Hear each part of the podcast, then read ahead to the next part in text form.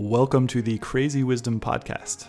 This podcast is for you if you have an insane drive to find the truth of things. It's not the good answers that we seek, but the good questions. I interview a range of different guests from many different fields, all with the intention to uncover the simple truths that are hidden in plain sight.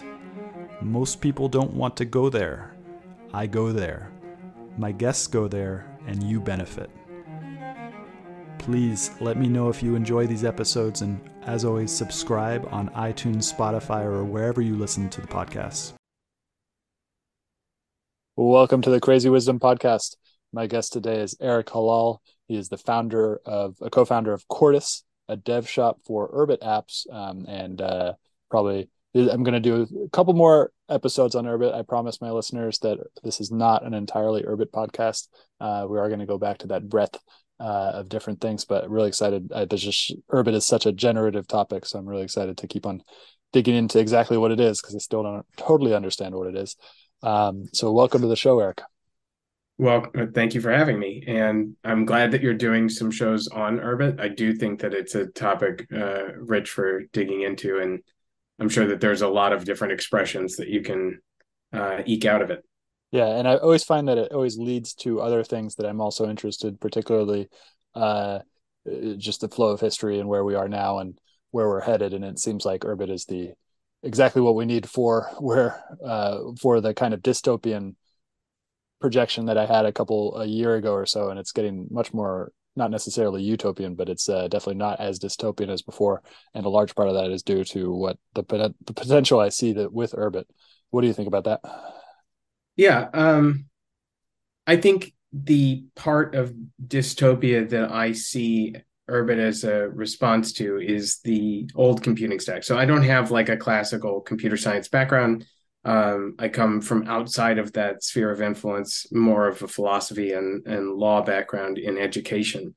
And Urbit, as a response to sort of increasing agglomerative technology um, that is hard to master, almost impossible to master because it's so many layers built on other layers, was something that really appealed to me. And I and I wonder if that's sort of the same thing. I take it that you are pointing to more of a social aspect of dystopia uh, in your construction there, but I think they might be the same thing. That there's something good about having a a refreshing start with um, first principles on something like how societies run or or how uh, a computer works. Does that make sense? Yes, it does. Um, so, what are the other options besides social dystopia? Um, you mean for just dystopias in general? Yeah. Yeah. Interesting. So I suppose you could have a resource constraint dystopia where it's like not that society itself fell apart, but that we are just so constrained. Or uh, there's a there's a great um, novella, I think you might call it, or short story called "Wind from a Dying Star," and it's uh, it's a description of like a far future uh, series of events where these things that have to survive off of the remaining zero point energy that happens between atoms are the only things left in the universe as it slowly runs out of energy. Um, you can imagine that dystopia too. They're they're like friendly and nice to each other, these things, but eventually there's only going to be so many resources. Um, I think I think the the technology like technology stultification or the loss of um, specific technologies is a major form of dystopia that worries me. I have this like um, what do you call it? Invasive thought. I think that planes are going to fall out of the sky because we're going to forget how to maintain maintain them someday because it's being done by like rote expression of rote expression to technician after technician rather than from first principles that's maybe the same thing as like the technology dystopia but in a slightly different way rather than agglomerative it's just like eroding uh, that was excellent. Um, so that technology stultification, and I imagine that's that's something like you know we only have so many COBOL programmers left, and it seems like a lot of the systems that run the planet were built long enough no long enough ago that they were built using somewhat legacy technology, and we're running out of them. But then it also goes into like uh, technology pilots, uh, infrastructure, all these different things that just have a long legacy, and it seems as if people aren't as interested in doing those things anymore. Um, and how does Urbit intersect with this? Because say Yeah.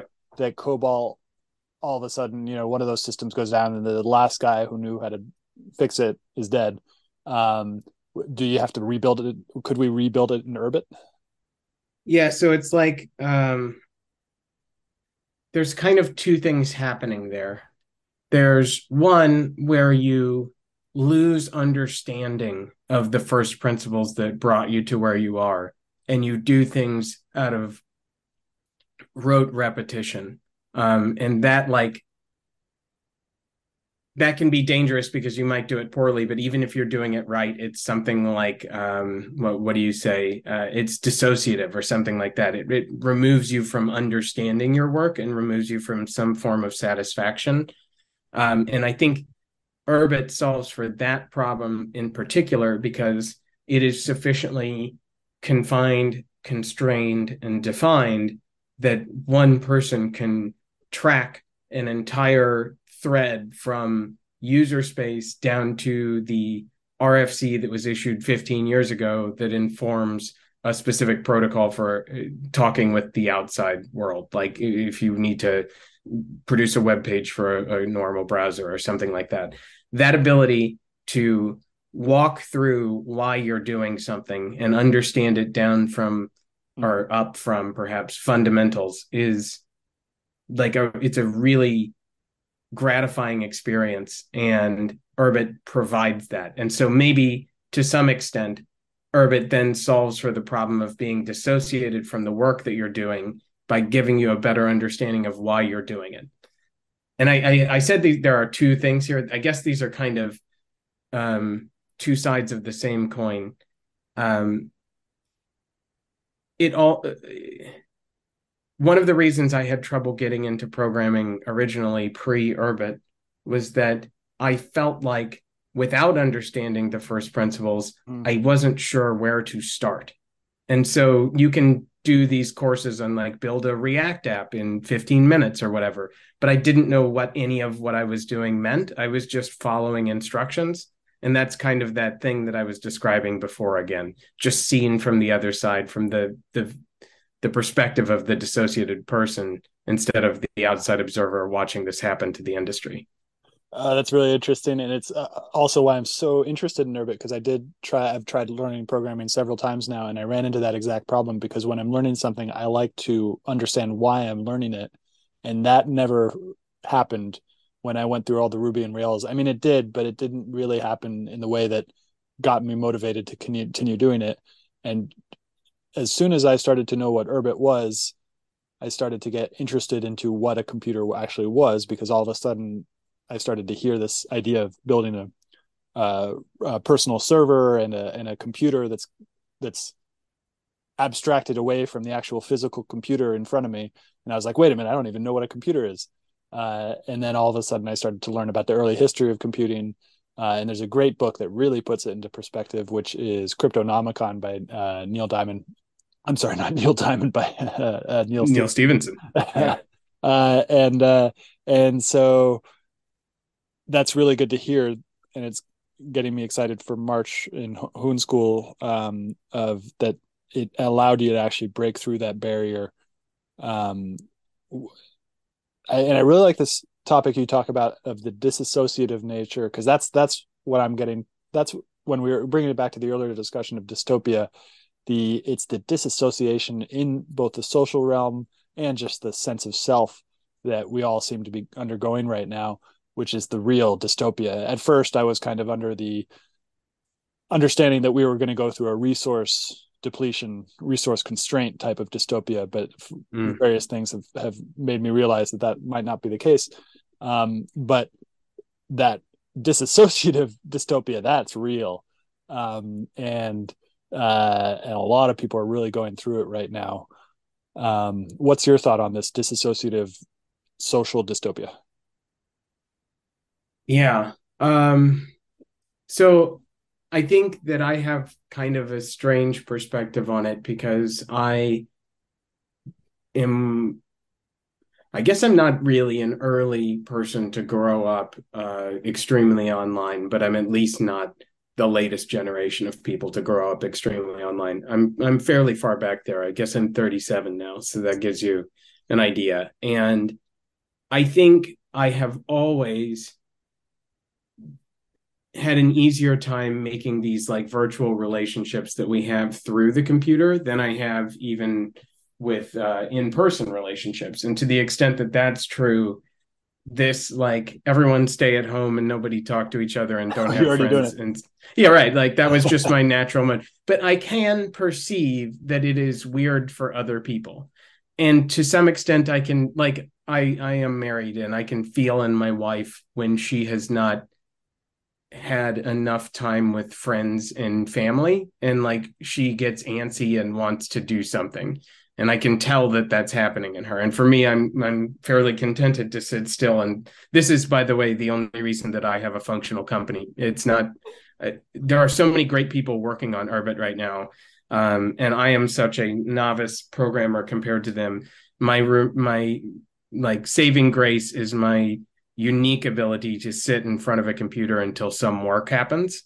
Uh, and that can be a very, very long sit indeed. But um, I I'm capable of doing that. I know that other people are not, and I do think that it's probably bad, and also, uh, and additionally, not to just completely uh, pour my my familial life on. Well, let's let's put it this way: uh, we expect to have children at some point in the future, and as part of that expectation, I imagine that I'm going to have to correct this part of my own behavior set because I do not want my children to have a image of people living in that social dystopia. Instead, I want them to see someone who has a vibrant social life in their community because I do think that that is a better behavior set. And and just one more note on that. This sort of moves in the direction of a discussion of like these networked state things that people are discussing and i think that there are, is a group of people or a class of people uh, uh, uh, a Myers Briggs personality type, whatever it is, that's capable of doing networked state and having these distal relationships with people that they rarely, if ever, see in the flesh, uh, but they have otherwise rich relationships with them, working or otherwise. Um, but I don't think that that takes into consideration like the average person's experience of the world or like what clearly has been a successful way of existing in communities for thousands of years. So that is challenging to some extent. Uh, yes, that's very interesting.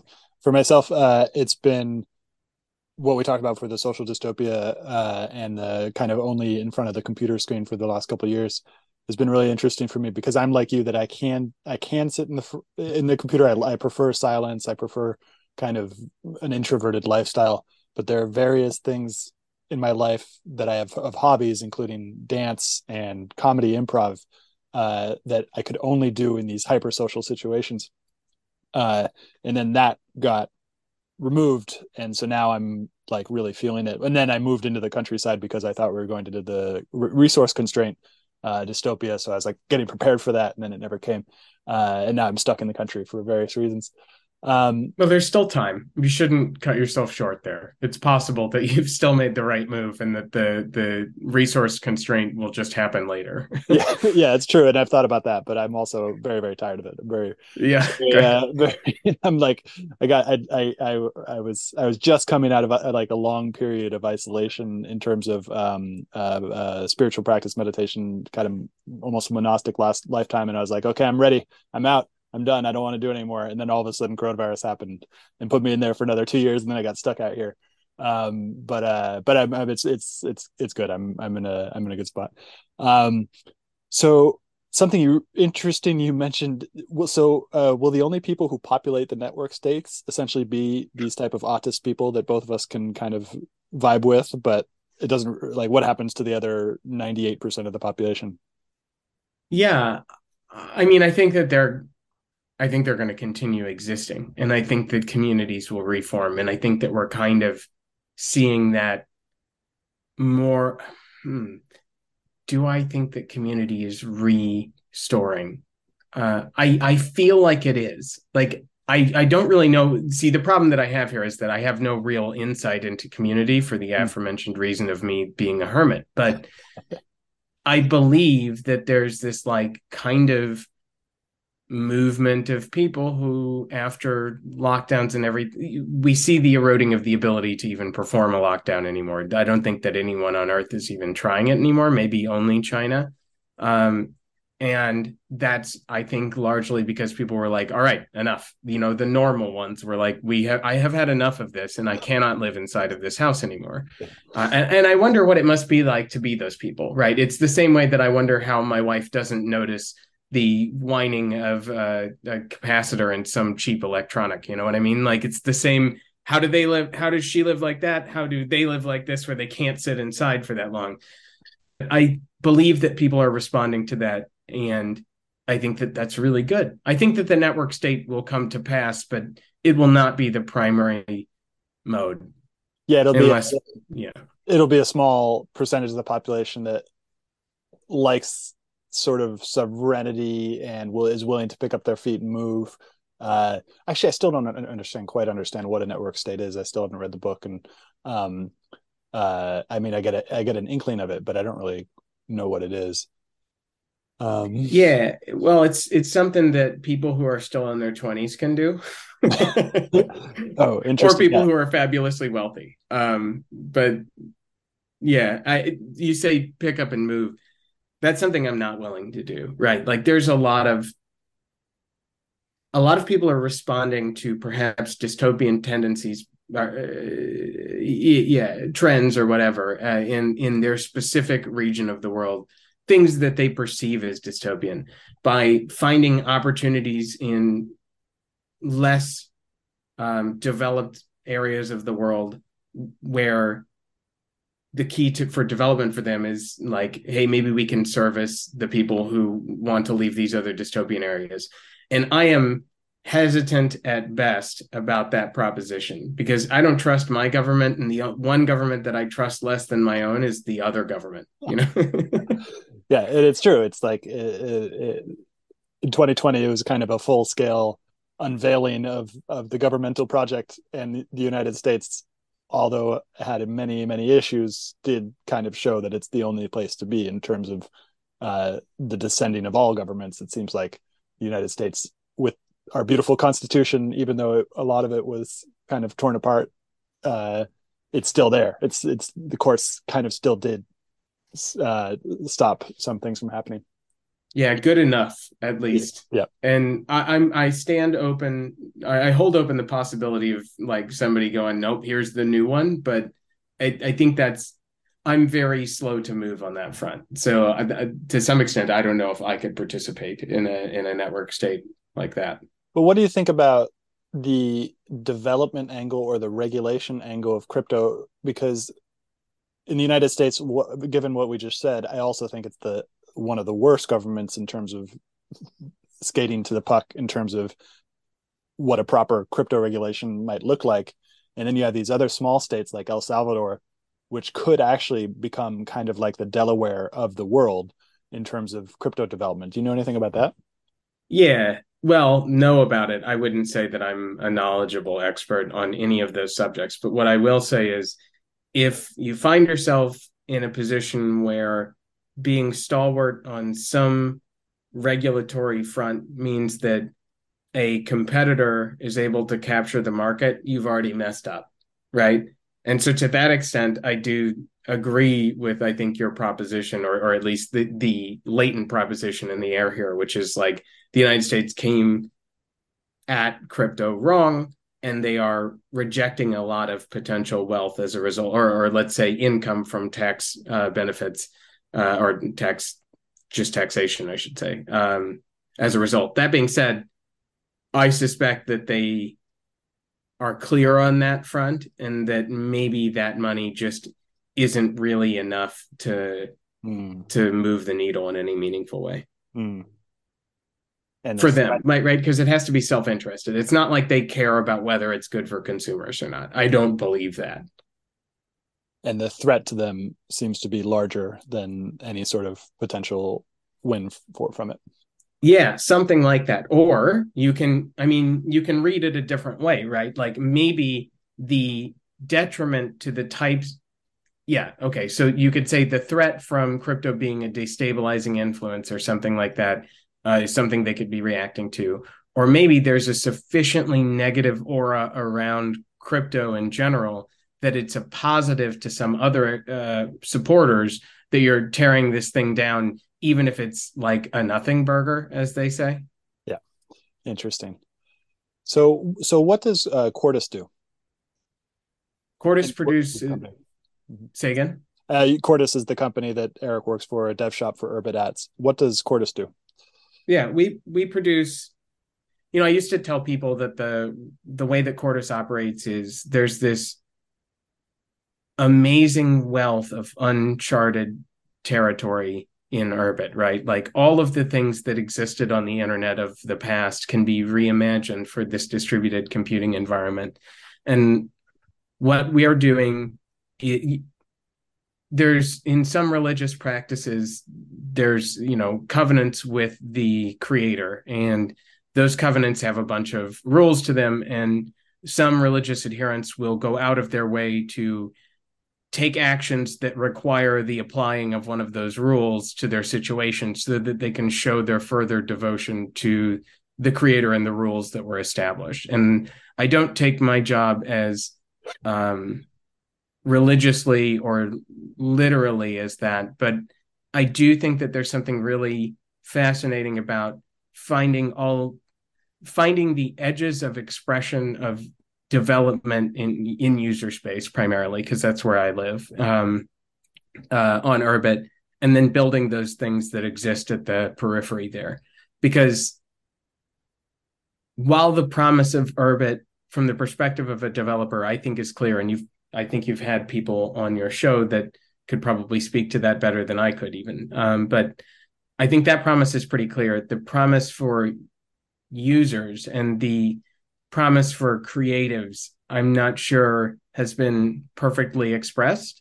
And I think it's there. And so one way of of maybe expressing that to some people is by finding these novel ways in which Urbit can be used and building software that uses it in that way. Hmm. I think you're right.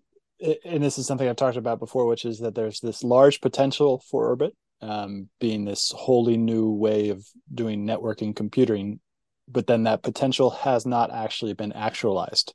Um, and so, for those of us who really, really love potential and can see the just vast potential of Urbit, uh, there's this interesting space right now where it's like it's is you can see it, but it's not there yet, and still has to be built. Uh, and as you said, the, the the the background of it works pretty well. Uh, but every time I that I get get into port, and I actually bricked my Urbit recently by trying to install Holium. Um, but every time I get into port, it is pretty well established in terms of, of user user experience. There's a lot that can still be done, um, but it's usually a pretty comfortable process. Uh, and I like what what needs to be done still to make Urbit this thing that I can send to my uh, my sister and she can actually get it and enjoy it? That's a really good question. Um, you probably need an overlay layer that abstracts away the naming convention to make things more palatable to people who get who, who have like low openness because i think that's the majority of people and and the the openness required to like engage in the the like Urbit dialectic is like probably uh, a bridge too far. So you need to have some skinning that's going to let people recognize things like human names or emails or something or phone numbers or something like that and be able to tie those to Urbit so that people can connect with each other. And then I think you need a value. We're talking about like normie adoption here for the record. I, I know that there are other types of adoption where Urbit still wins, and those things could be more limited in scope and those could be great tooling for a specific application. Like you could imagine Urbit being really good um, in, let's say, machining, right? Like maybe you have a machine shop and you write some hoon that allows you to better interface with all of your different machines through their like their own otherwise you'd have to use the stupid tablet that they come with that all has a different interface every single one of them and something like that but for normies just to return to that idea you also need a value proposition where and this okay so this circles me back to where i wanted to be. Um it's not just that the ui is clean and available but that there's a reason to use to use distributed yeah. networked computing over centralized service. Yeah. And i think that there's i think that there's a number of those and we're actually working on a project right now that i think will be expressive of one way in which you might want to avoid or in let me let me put it this way. One way in which you can have better control over one of the best features that centralized services afford. So the best feature that centralized services afford is content recommendations and aggregation and like um, discovery. Uh, but the problem with the model of aggregation discovery. The problem with the algorithm to date is it's opaque and it is potentially um, open to influence from the controlling party. So, like uh, Facebook or Twitter may may promote content to your attention that otherwise the the quote unquote algorithm as based on your actions with the platform would not have raised to your attention. And I'm not just talking about advertisements. I'm talking about like specific pieces of content that may drive narratives in other ways that that you have no control over whether or not you you see. Yep. Which has happened quite a bit in the last few years. Um uh, so that's really interesting to separate out like the specific use cases for distributed networking computing. And you basically said that the centralized systems they all have an incentive to essentially promote themselves um, or promote various political actors that they might be allied with. Um, and then you've got this other option but that but that that use case for me being somebody who values liberty is basically all of these all of like the whole internet. Um, but i know that i represent a small percentage of the population and most people don't really care. Um, and i guess there's this small percentage of people but but th- but then you look at bitcoin and the I remember going to a Bitcoin meetup uh, of the Silicon Valley Bitcoin meetup, which is the old school. That was the one where all the initial people, uh, and all of them were hardcore and anarchic capitalistic libertarians, and they were all like eighty percent of them were highly autistic or highly neurodivergent and hard to have conversations with, um, and uh, and it was, but but you know that like those were a small crazy people and a small group of crazy people and now it's something that a whole bunch of normies are interested in not because bitcoin somehow became more um palatable compelling. to yeah right. compelling or whatever it's just because because of the massive uh hype that comes with that much money being created uh and and also the how cool it is because it is there is there is something cool about it um and so does urbit actually need to appeal to the normies at all Well, I would like it to. I don't know that it matters if it needs to. Um, let, let me, that's not a fair answer to your question. Does it need to? No, probably not. There are probably scenarios in which Urbit is a very successful proposition. Maybe the value is not expressed in the address space model. Maybe it is still, I don't know, but it's used in a bespoke application or boutique application, I should say. Hmm. Um, and people find it incredibly useful and it's used for 100 years in that application right but but normies don't know what it is even though it makes half the things they use in their homes right like okay that's fine but i think that that's like kind of a sad outcome for urbit because i want to share more than just it's a really good idea about computing with other people i don't think that that's the at least for me, that's not the central value proposition of Urbit. I know that for some people it is, and I like obvious. I don't mean this in a, a, pedantic or like flip way, but their experience of that is valid, but it's not the one that uh, that I'm most concerned with. The one I'm most concerned with is this is this liberating piece of technology that can make you feel connected to something that you spend let's say if you're like me, if you're a thought worker outside of Urbit, like prior to Urbit, you spend, you know, 90% of your working life using one of these things, right? And to feel so disconnected from it and not know how it operates and not be able to make it do the things that you want the way that you want them to do it or understand why it does certain things that it does, that's probably not I don't think that's good. And I think that the fact that Urbit solves that is really grand and shouldn't be shouldn't be lost just for success if that makes sense hmm. mm-hmm. yes it does make sense um it brought to mind like myspace the because uh, because before myspace you know there was email there were all these social networking kind of things that existed uh but they weren't all in one place and they couldn't you couldn't make it your own. And then myspace came in and all of a sudden you could make it your own and people were learning html and css in order to to uh, customize their profiles. And then facebook came in and said we're going to give you a standardized thing uh, and then all of it goes into there.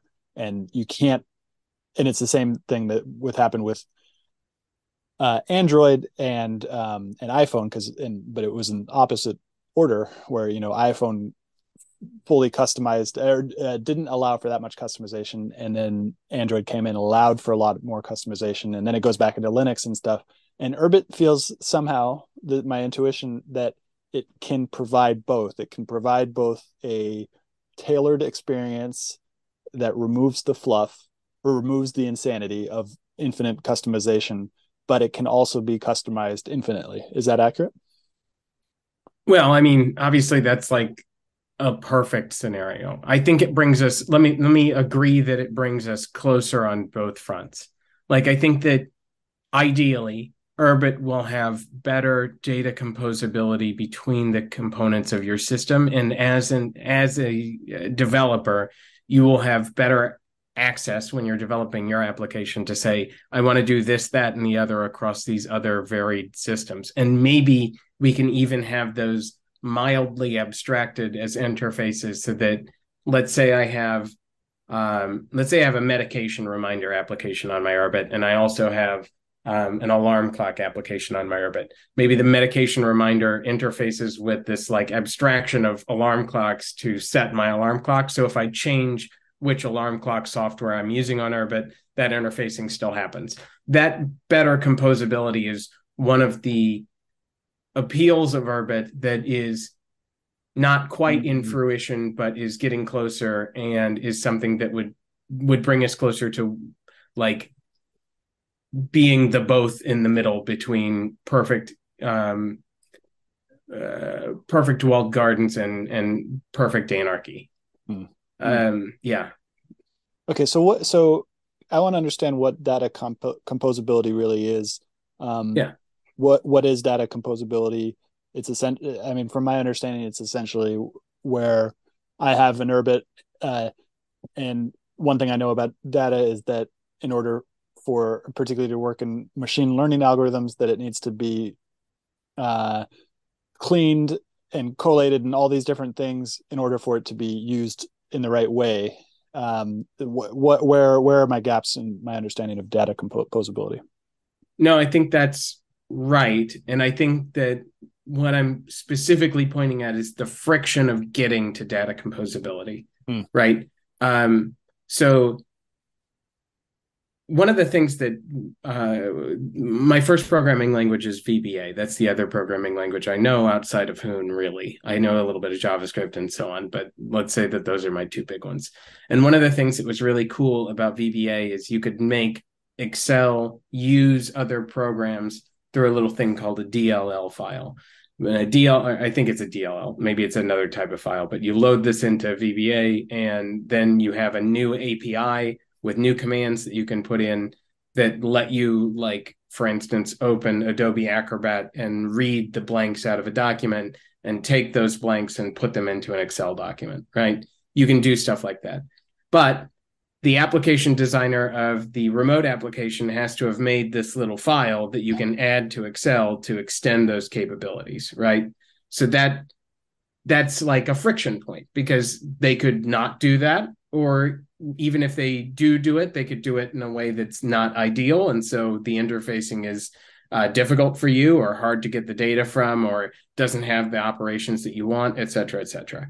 So there are ways in which connecting applications and current computing stacks can be frictionful and difficult. Mm. um, and on Urbit, the thing to call out is that there's a let me let me see how to describe this um, because it's not entirely clear how all of this will work yet on Urbit, and it hasn't been completed as an idea. But effectively, there should be some state in the future where the data is stored at a known namespace. When I when I say namespace, I just mean um, imagine a unique identifier, a unique identifier for that data. And that namespace should be unique across all ships uh, in all mm-hmm. places and all times on Urbit. And so if you need, let's just talk about the local case here. If you need data from, and to go back to it, your alarm clock app, or you need to push data to your alarm clock, clock app from your medication reminder, you should be able to read the extant reminders in your alarm clock by just querying the data at that position on your local computer. Mm. Okay, so that's like an easier mode of composability than we talked about with the VBA model. But then let's move it one step further.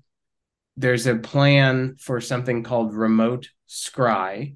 And remote scry just means doing the same operation that we just described where we're getting data from some unique namespace on our computer, but it does it on somebody else's computer. Now, obviously, this is pursuant to permissions and so on and so forth. But yeah.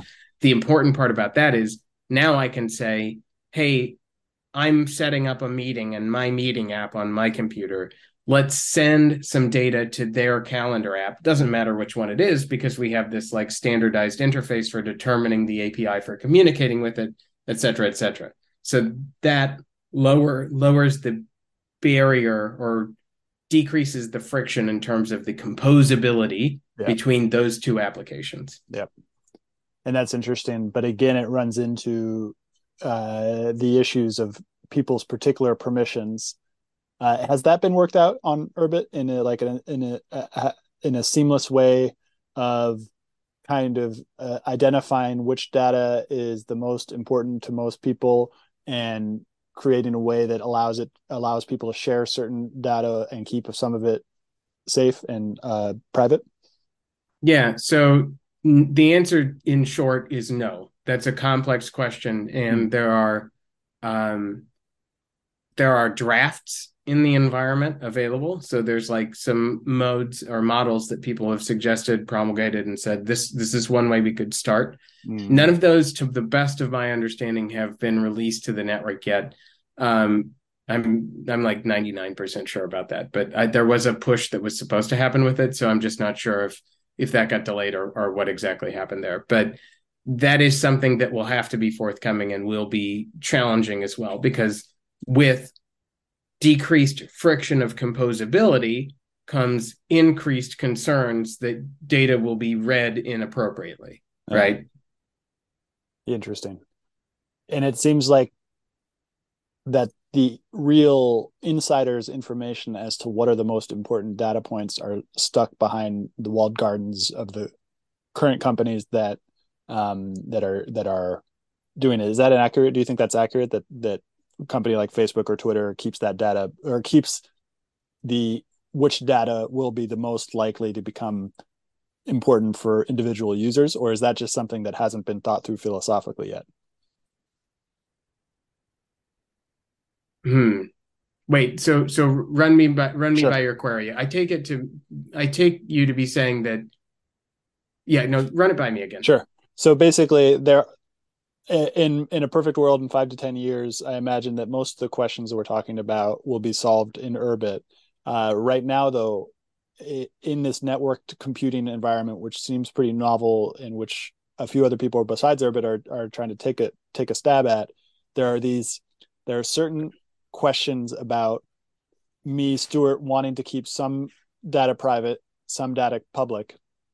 Um, do you think that the companies like Facebook and Twitter and all these other companies already know what these things will that which important pieces of data to each individual are or whether it's something that needs to be thought through philosophically. Let me try to give an example. So uh Facebook, well yeah, my birthday or something like that. Uh the ability for you and I to transact on the Urbit network with that one piece. Actually, let's use a better example: a credit card number, because that's more kind of much more impactful if I if I share that. Um, do you think those things are all already un, are they is do companies like Facebook and Twitter already know what these are, or does this need to be essentially worked out philosophically over the next few years as Urbit gets built? Oh, I see the okay. I'm I was kind of missing the framing of the question. What, what you're saying is like which data points might be the most critical to share between nodes on Urbit, and like are are other people better positioned to understand in a compute in a distributed computing environment what those are and have plans and affordances in place to keep those safe but also share them when need be? Is something like that? Yeah like are the are the problems that we're talking about already conscious or are they unconscious still? Are they known problems or unknown problems? Okay, so there's a couple of answers, and I want to bifurcate like two two sections of the question because there's this like data composability element where we're talking about trivial data that exists or, or incidental data that isn't tied to us but is tied to our operation on the computer uh, that might be relevant between systems and so that could be like um like okay for instance you know the program PALS on Urbit? Are you familiar with nope. PALS? Nope. Okay. So PALS, you can uh, enter another ship's name, another Urbit, uh, their name on there, and then you can go, I'm pals with them and it'll say, okay, I've started a, a, PALS connection with them. They'll receive a notice and they can action it and they can either say, yes, I'm PALS back or I don't know this person. And it maintains either a unidirectional or a bidirectional or a non-extant relationship between these, these parties. Um, and from that, other applications can read that and say, so for instance, Quartus makes a product called Gora, and Gora is something like soul bound NFTs. And by that, I just mean you can only give them to one, you can give them to an address and they can't fungibly sell it to, they can't sell that to somebody else. So it's bound to them, right? We can share using pals so we can in gora we can read from pals and go hey for any of the people that you have mutual relationships with you can share information about the goras that you're creating so that they can be aware of them and they can take a look at them because they usually have pretty pictures associated with them and they can even request them from there so there's this like i am going to call it the trivial case of data composability where it's like it's not really a distinct case, but it's like where one app's reading from another app about data that you wouldn't consider private or really even tied to the individual, maybe, and it's doing it for this enriched experience. That needs permissions too, but it's a different kind of concern. And I think that area is generally well understood because there's mm-hmm. there's that area is a problem because there's basically the problem is how do I know what to expect when I ask a specific namespace thing what data it has I need to know what shape it's going to be so that I can expect it in the right shape. And then I can start working with it without having to do a bunch of poking and prodding to check the shape of the thing.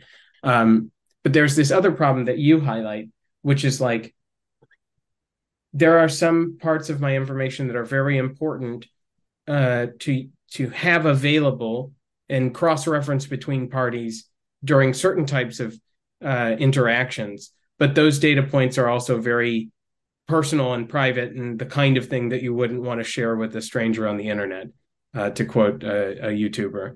Um, and that's a different question and it's a hard one. And I don't know how that will work. I mean, the common mode, right, is that's handled by an intermediary. Um, and so credit card number, well, if if you're buying something off of Facebook, Facebook is doing the Rails processing of that that card number and not giving it to the the third party ideally i guess i don't know that to be true but i expect it to be true not giving it to the third party for them to run through their own billing system does that make sense yes yeah yeah interesting. So that third party thing might carry over into urbit as well. Oh yeah, like I I mean, so to the extent that we can use crypto, like uh I think you had Trent on your last show, uh the the head of Holium, uh, right. and he and their company just released a wallet on Realm that will allow you to like send money through Ethereum to a planet. So a planet can go, this is the address I want to receive money at. Mm. And I, I, don't know, there's probably even more to it. I, I only know it from a cursory glance at the product, but like at a minimum case, you can go, okay, this planet is this address. And now you can start sending between those uh, on Urbit. And so to the extent that that's available, that's trustless and it's on this system that's designed to cut out that third party. But I know that there are other people who are working on Urbit to bring in third party rails to allow for fiat currency payments and i don't think that that's a bad thing right like i mean mm-hmm.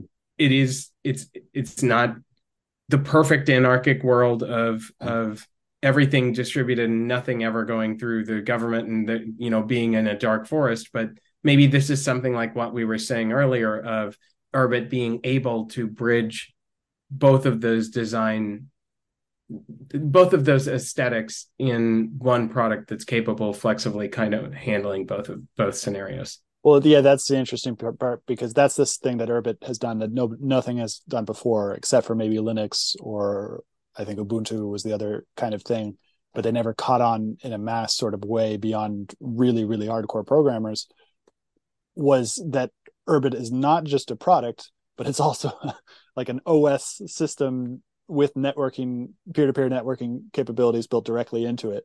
So that's the so that even if that product didn't exist somebody could go in and create it using urbit.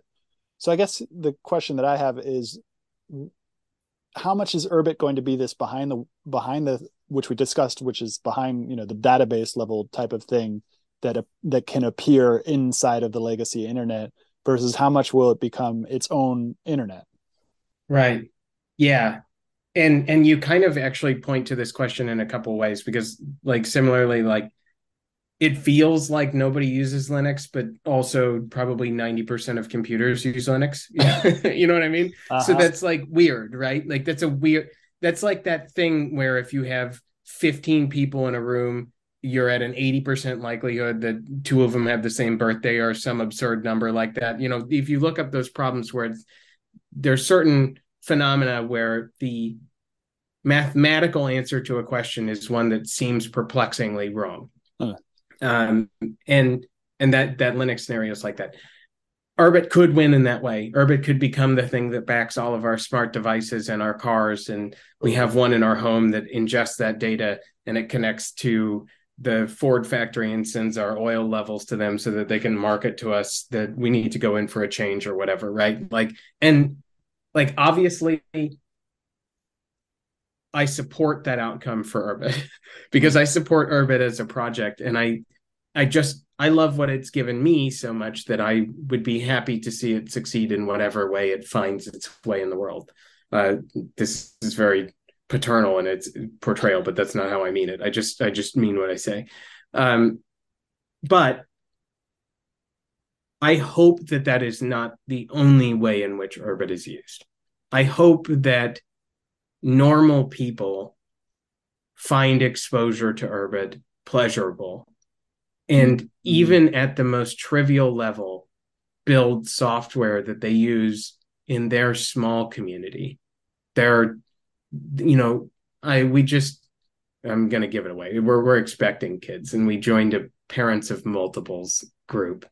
Um, and we met up for coffee at the last meeting, and it was like five people, right? Mostly moms, one other dad there, and uh, we've mentioned that I don't really need have a need for community like some people do, and I'm even mildly uncomfortable in those scenarios. But I know that it was a good thing, and I know that it would be cool to be able to help them revamp their website on Urbit and like include all of you know they're they're currently scattered across a public and a private group on Facebook, and they also have a Reddit, and they also have their own crappy website, but they normally use Facebook because it's easier. But then yeah. they also have a mailing newsletter. You know, let's put it all on Urbit, and it'd take me a weekend.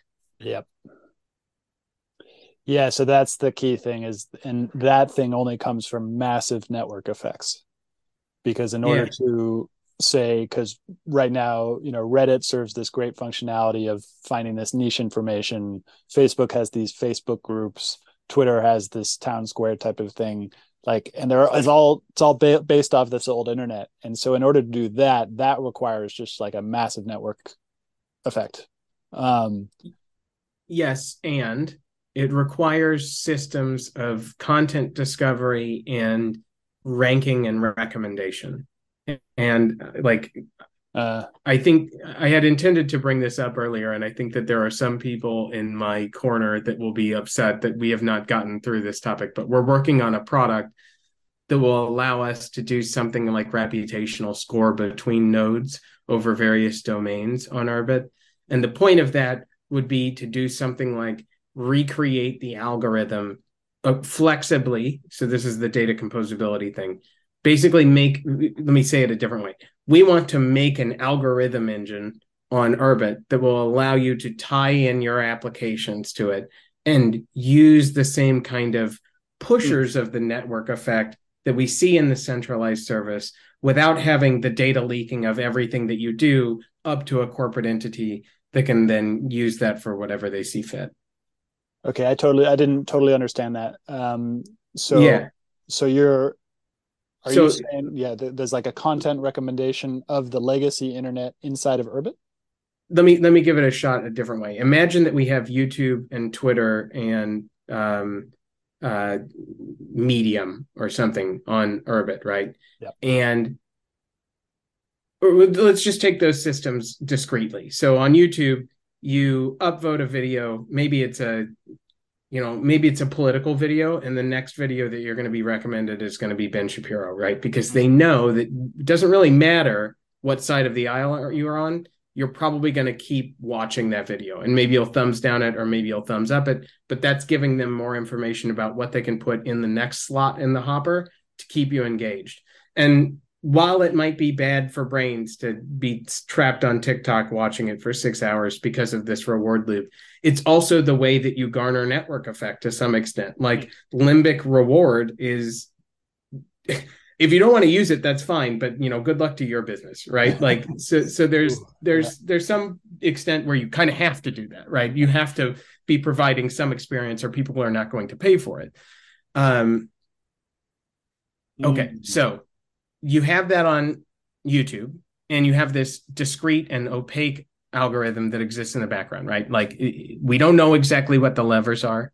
We don't know if there's injected data or if it's all naturally derived from what you're doing, although I can tell you that it's not naturally derived. Um, I don't know if you get this experience, but frequently I'll start seeing recommended to me in my YouTube shorts some band I've never heard of before. And then three months later, oh, YouTube's doing a live music festival with them. Isn't that fascinating? Right? Like they wanted me to get hooked on the band before they were doing their live event. Yeah. Fair fair cop. Yeah. Uh, okay, so that system discrete, opaque, but does this thing that's important. Then we also have that on like Twitter for different parameters. So it's not thumbs upping, it's liking and or retweeting, and these different actions uh, result in different reputational changes to the parties that you're interacting with who are producing the content.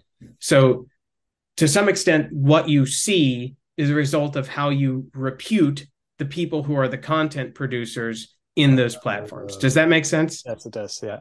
Yep. Okay. So on Urbit. Yeah. Got it. So, so, so let me back it out one more step here.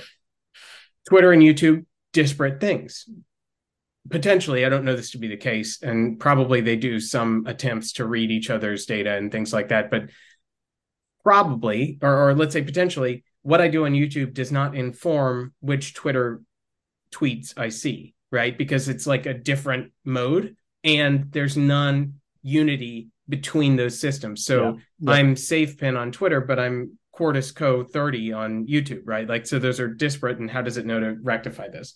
Well, Urbit solves two things here. One, we believe that we can produce a reputation engine. So that is just the part that collects your reputational score per node or what you repute about a given person uh, in a given domain. So we'll talk about a domain in a second, but mm. we believe we can build an engine that does that for Urbit and flexibly takes the data from any application. So like YouTube thumbs up, thumbs down, uh, watched it again, didn't watch it all the way through, uh, those kinds of metadata. Twitter, uh, like, retweet, subscribe, uh, quote tweet, whatever, right? And turn those into information about the nodes because those have consistent names on Urbit, right? And then we can get something like the same ability to say, okay, here's kind of your landscape, and this is in the area of content production, right? Maybe we have alignment between those domains on the Twitter and the YouTube clone on Urbit. And so now we can start aggregating and recommending data and discovering from that. And there's some other ramifications of this, like if you have a high if you have a high reputation score for somebody else, you you you score them highly in reputation. Perhaps you might follow them and request from them their view of reputation of the world. And in this way, you can start building a graph out from the central point of you, focusing the energy on you, making you the central mover in this whole apparatus. But you can also get these distal points that start bringing in that content discovery, right? Mm-hmm. Yeah, that's interesting. And it reminds me of two things. One is Klout, a company, K L O U T, uh, that tried to do this on the legacy internet. And the other one is a friend of mine who started a company called Know It. I feel like they might be good people to talk to as well. Well, who tried to do something similar also on the legacy internet.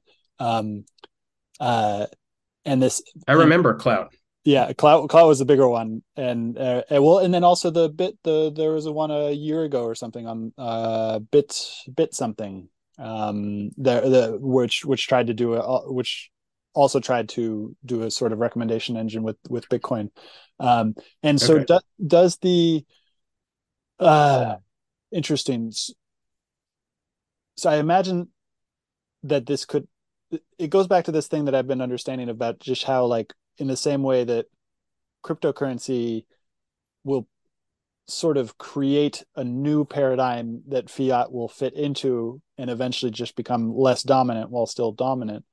Uh, Urbit can do the same thing with the internet, where it creates this thing. And so, like what you just described, feels like it could extend out into the legacy internet as long as people are are uh, interacting yes. with that legacy internet through Urbit yes, and not only that, but your point earlier that some people don't care about being tracked and just want the limbic reward, right? Like my wife, bless her heart, I cannot get her off TikTok. I got her off for a while and then she installed it again and she was like, I'm just going to do it. Like, I, I don't care, dude. Sorry. I want to watch TV when I get home and that's TV now, right? Uh, There's nothing I can do to solve for that but there is something that our pro- the product that we're envisioning we're calling it era so i'll call it that our product era could do to provide both that experience and the alternative so one of the things that we envision in this is that the more reputation you give at a first order so like i to to you the more reputation i give to you the more likely I am to see the information that you might recommend based on your recommendations. And if I have no first order connections but you, the only information I'll receive, uh, it's effectively as if I'm standing in your shoes and now seeing the aggregate, the um, the algorithmically generated data as, as if from your perspective. Okay, so that's kind of interesting. So that means you can do something like kind of follow people or better understand what their perspective is or something like that, at least to the extent that they're willing to share this data with you. That's the permissions on that is something we're still probing and we don't know exactly how that'll look. But the more important thing is Facebook and TikTok could have an, an Urbit where they do their own recommendation algorithm, like they do their own construction of what data to pass out, who to recommend, and so on. And then people like my wife can just go, I'm putting all of my points in TikTok because I just want to watch funny videos of things that make me laugh, right? Which is like valid. So fine. yeah. Yeah, but then it's then it's a shift to this new system that doesn't have the same ethical implications of the large monolith corporations that have built their own server farms and uh, and can manipulate the algorithms for their own benefit. But let's go into that though, uh, which is the it seems that so all of them uh, you know if you research all of the web 2.0 startups uh, uber airbnb all these guys they did like slightly unethical things not necessarily unethical but they went onto craigslist and they you know spammed craigslist with their things and it's uh, i guess it would be unhonorable uh, things. Um, and and then the twitter and facebook both you know twitter twitter also started with this sort of in that in that era of we're going to change the world and obviously the subtext is we're going to change the world for better. Um, but then somewhere along the line uh, the these ethical questions of how do we design our systems didn't get answered in the proper way um, or maybe the honorable way or the integrity integrous way. What do you think about what you guys are working on? And that question of all these little questions that happen throughout time ultimately might detract from the commercial viability. Do you think there is any sort of uh, uh, tension there, or is the idea that Urbit as this foundational privacy enhancing software kind of creates the environment which promotes this integrous behavior? What do you think about this question? Yeah, it, it's a, a very well framed question that's very hard to, or yeah that appears like it's an uh it could elicit a straightforward answer but it's actually very dis- difficult i think yeah. Yeah. um i think i've best heard this expressed i think by sarpan laplux and it was just something to the effect of you can i'm paraphrasing really poorly and kind of bastardizing and perverting it out of its original form and the, the area in which it was used. But it was something like you can have bad behavior on Urbit, but it's really hard to make anyone care because they can ah. all they have so much alternative space to work in that negative behaviors unless they're just absolute network effects, right? Like just perfect network effects where you have to be on the pl- You know, actually, I think yeah. the worst network effect is LinkedIn. Like if you try and get a job, you have to be on LinkedIn. And it's a terrible experience, like yeah. a terrible experience. I just was updating mine and putting like a talk that I did on it recently or something. And it was just vile and awful to look at um, but if you have one of those mandated experiences like that, that has become so popular that you know 90% of people in your general area use it and you have to be on it okay i suppose that you've you've won over the first principles of Urbit and you've reinvented the bad behavior and and done so successfully. But it's unclear that that would take off to that extent anyway. We're just putting in in there by fiat and it's very easy for someone to make the same thing as what you just described, but with not the bad behavior and ship that alongside, you mm know? Okay, so let's go into the Sybil protection. And for my listeners who don't understand, Sybil protection is uh, basically a way of ensuring that we don't repeat what happened with email. Uh, and all of a sudden you get a bunch of spammers who go on there because it's really it's cheap and easy to make a new email account and free um, and so Urbit solves this problem of Sybil protection by having a planet which you have to pay for, um, or you will you will pay for. And there's a sort of thing. Is there is there anything else to Sybil protection that I missed there? Well, like there's a lot of high mathematics regarding how that's effectuated and how the cryptographic ownership of the IDs works and how information about the state of ownership is passed down through all those nodes. But I think that's the big note is you have your computer comes baked in with a name rather than an IP address generated locally that's then translated into a, a wide area network domain uh, IP address, et cetera, et cetera. Yeah. And that name is associated with a payment, basically. Yeah, basically. Yeah. It's it's associated with I mean, effectively, the name is just a number. Each one of these yeah. planets are are numbered, and so yeah, it's that number that you specifically own, and you can boot that number and use it anywhere on Earth. Mm. And how does that relate into this reputation engine? Right. So it allows for composition of reputation across. We're we're back to the topic of composability. I'm afraid. So you'll uh, forgive me for circling the drain, but um this is one of the biggest promises of Urbit generally is that like when you think about making software as a human being who's grown up in the last 40 years, you think about making networked software. It's not just yeah, single player stuff is fun, but you think about what about multiplayer?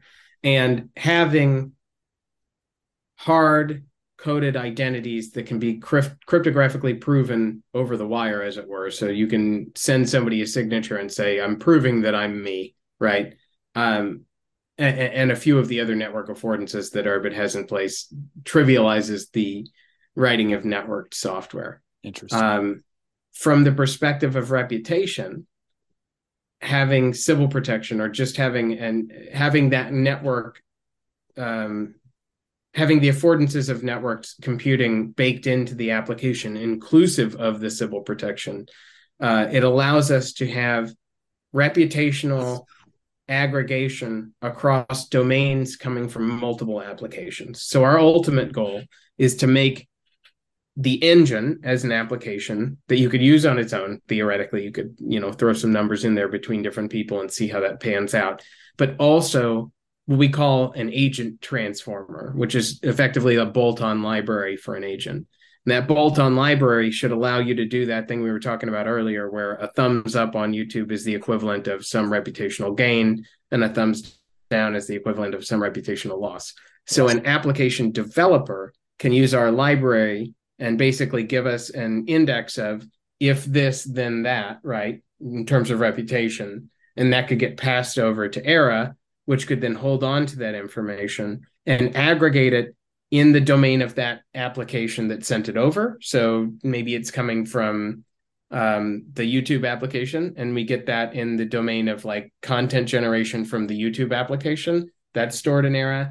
Then we could also wrap the Twitter client and get information from there. And eventually we could maybe merge those two ideas. So across the same human being, that same planet, we can say, their content generation score is very high, or if you're me, fair to middling, according to my Twitter accounts.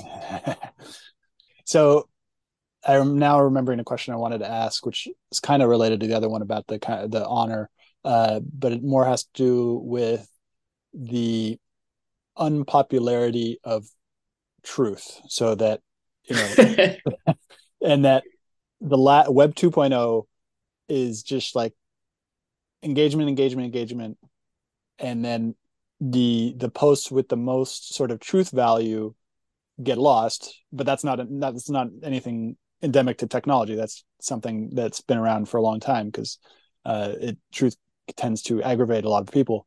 Uh, what do you think about these sort of non like oftentimes I think that sometimes the good tweets that I write are often less engaged with because they make somebody feel something that is not they don't want to express it. They don't want to like it because it's like oh shit i don't want to touch that. Uh, and so do you think these like twitter has a score for that? And are you guys going to build anything into that to try to understand not necessarily like popularity probably is the thing that you need to factor in an engagement and stuff like that but this sort of silence that happens around things that are challenging or uh, have more truth value. What do you, what do you think about that? Yeah. So I, as you were saying that, I came up with I think four responses that I have. it's going to be uh, a long road here, so forgive me. The first one is that my background like my priors are that I don't believe in truth. I'm a pragmatist, and I think that truth is a function of predictive force of ideas in terms of future idea, uh, future outcomes. And so, like, I, I think that there's latent in our, or there could be latent in our discussion of this this particular topic, the idea that I think that there are canonical truths that can be ascertained by human beings. And I just want to establish out front that I do not think that. And so some of my answers will be less than satisfying as a result.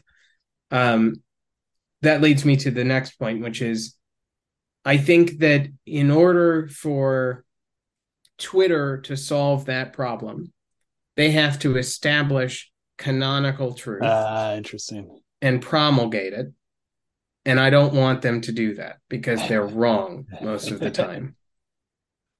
And so that's very dangerous. And so that brings me to Aera again and a reminder that the points that you put out for reputation, the people you believe told. Actually, let me tell you this a different way. We have a, a secondary product that we want to sit on on Aera. I call it Predicto with an exclamation mark at the end. It's the word predict with an O and then an exclamation mark. And Predicto, you have to say it like that too, otherwise you're not saying the name. You're not, um, you're not true. Yeah, right. This Predicto is this um, application that allows you to, if you're chatting with someone on Urbit and you see them say, yeah, I don't think Joe Biden's going to make it through this term. I'm telling you, Kamala's going to be uh, the president. Yeah, right. So you take that, you copy that link out of chat and you throw it in Predicto and you say, okay, give it until November or whatever, right? And then in November, you get a notification on your Urbit and you score the prediction. Uh-huh.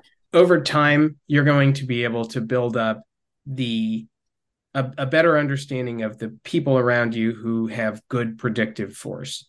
And so so in that way, you your algorithm would tend to show you if if you imagine that predicto all, also surfaces predictions up from elsewhere. That's not really part of the plan. It's more just a demonstra- demonstration of the the idea. But assuming it did do the discovery aspect as well the things that would be surfaced would not be the most inflammatory predictions, but instead would be the ones from the people who you think do the best job of predicting mm. and the people who they think do the best job of predicting, right? So you're getting a different cascade there. It's no longer focused on the outrage, but instead focused on the element that you were hoping to measure, right? So we're like, we're like bringing in the measuring stick or we're, we're bringing the appropriate measuring device to the game rather than than using a, a, a poor heuristic. Uh, two more answers. I'm almost done.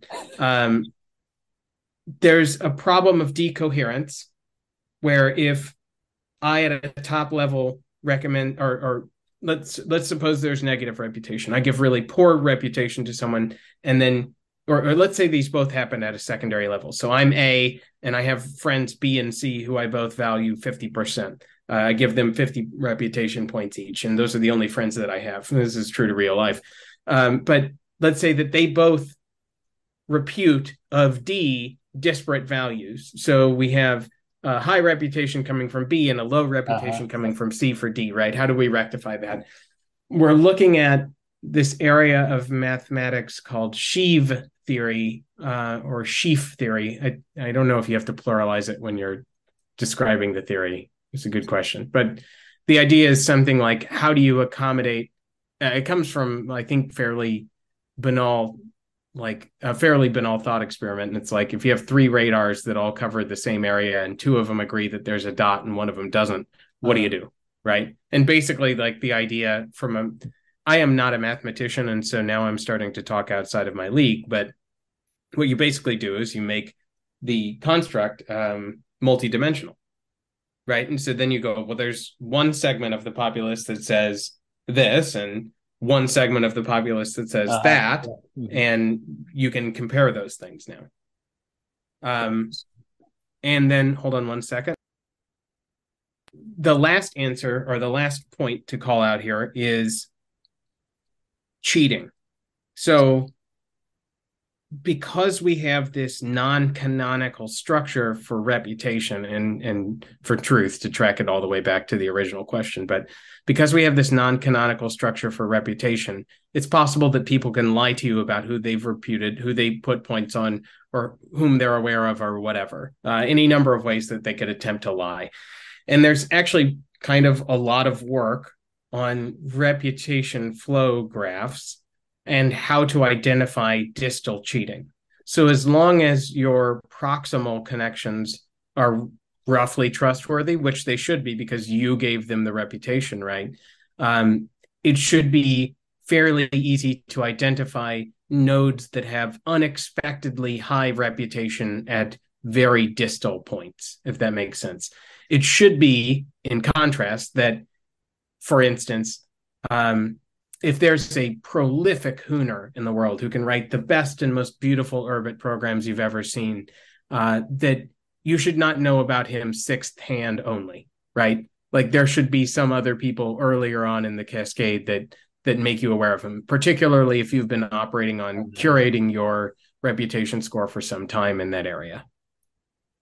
I don't think we'll have time for it, but I would love to discuss at some point the uh the what you said about canonical truth because I agree with you that there are no canonical truths at a sort of absolute level but then this question of whether there are canonical truths at a relative level according to things like um, here i am in, in california china is 6000 miles away or whatever factual prep- prepositional canonical truths um, but determining the canonical truths like that that also have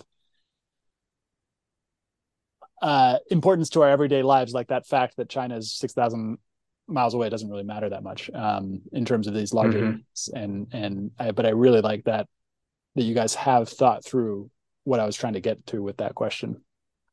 Yeah, I I mean I we actually think that that's like there's a I won't say we because I there there's a couple of different motivations behind this product each of a each of them coming from a different element of Cordis um, and one of our one of our members uh, member of Dalten Collective, which incidentally, Cordis is a spinoff of Dalten Collective. It's like an upstart company from this collective enterprise that we have on Urbit, which we could talk about if you'd like. I, I suspect you've probably gone through that a bit with Kenny, but um, one of our members, Dashus Navnal, real smart guy.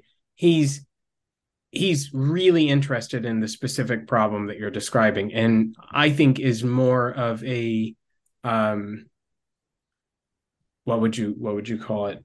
uh, a rationalist than than he might believe. Like he believes in a canonical truth, I think, and I he believes more more importantly that a sufficient probing of the events, like a sufficient review of the quote unquote facts of the event, um, should lead you to one or another belief about that event, whatever the event may be. Right? I, I I don't hold that belief, but the way that we can come closer together, he and I, is by finding some way of moving this reputation system into the domain of the purporting of facts, right? Um, and so you could imagine a Wikipedia where edits yep.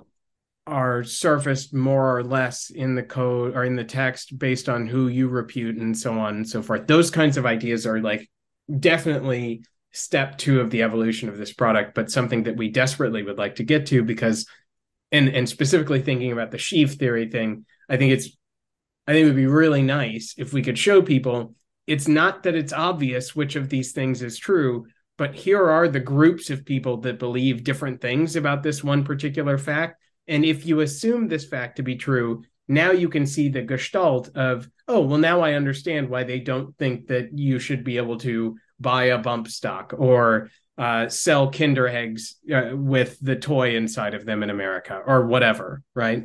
Yeah, yeah, that's the interesting thing that I think will be the challenge of of what you're building is how do you build a Wikipedia that does not get dominated by ideological whims, um, or that doesn't get because because well, it's all ideological whims, according well, to me. yes, yeah, no, and I, I, I saw that in asking the question as well. But can so it is all it, even okay so even if it is all ideological whims this gets into kind of the hegelian notion of of of politics where there's a right and a left and i think that's kind of breaking down at the moment as well so that that from my understanding wikipedia has been captured by a, a progressive identity which i used to uh, identify with uh, and many people still don't realize that they identify with it as an ideological whim rather than than um, a truth claim, which which they make Wikipedia out to be right now. Uh, yeah. And like and and I think we're now moving into an era where it's all split. It's splitting apart, so that as long as you you aren't totally captured by these these these ideological whims of right versus left, everything is about to bifurcate in this very very interesting way. Where and that's where Urbit comes in, and I think that what you guys are building will be a very very interesting thing in terms of understanding where that goes and if there if there can be decentralized mechanisms for evaluating truthiness uh, or whatever then that'll be a very interesting world to live in or a virtual world to live in. Yeah what i won't do is make people have right think. I refuse. There it is there it is. Yeah, yeah um and so even like even okay I have a very dear friend um, who knows how to rile me up.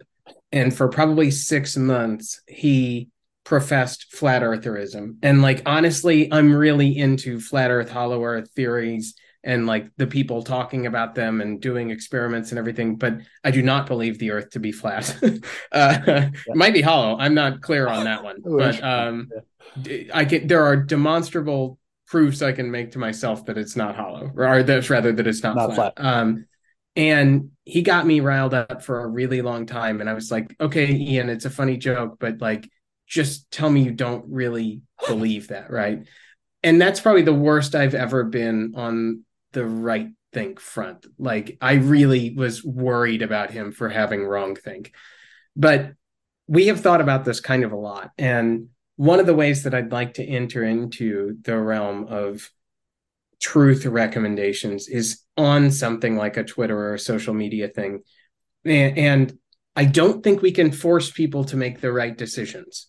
But what we can do is something like tooltips uh, at a staggered basis over the course of using a product like Twitter with a reputation system where it goes, hey, just so you remember, maybe it's not every interaction like liking or retweeting something doesn't cause the reputational change. Maybe there's a discrete yeah. function for that in this thing.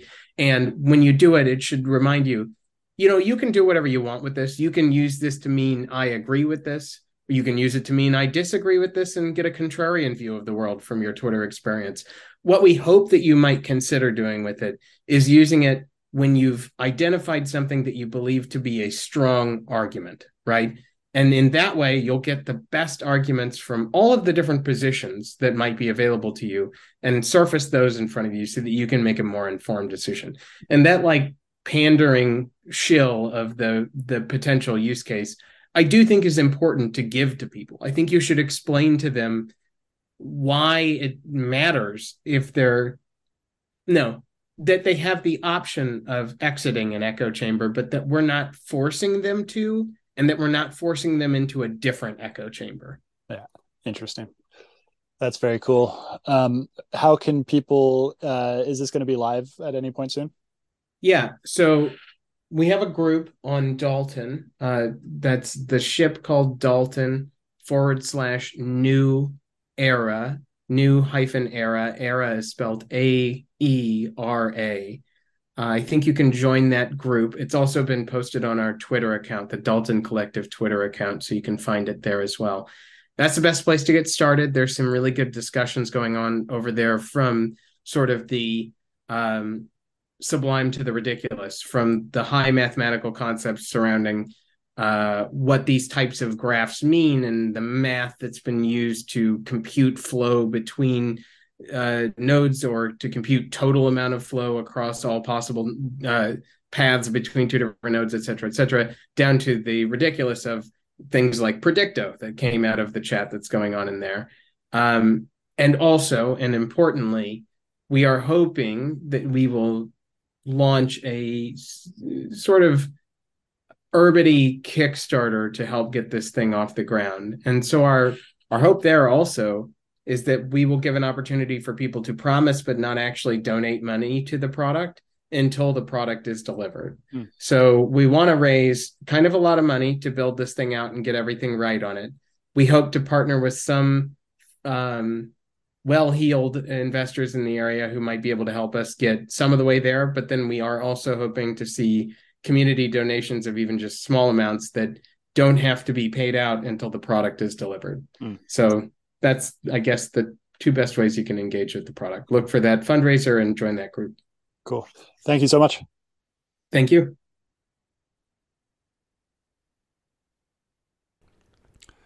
Thank you for listening, and I hope you enjoyed this episode. As always, you can find me on Twitter at Stuart Alsop III. Also, don't forget to subscribe on Spotify or iTunes for every weekly episode that I publish on Monday mornings. Hope you have a great day.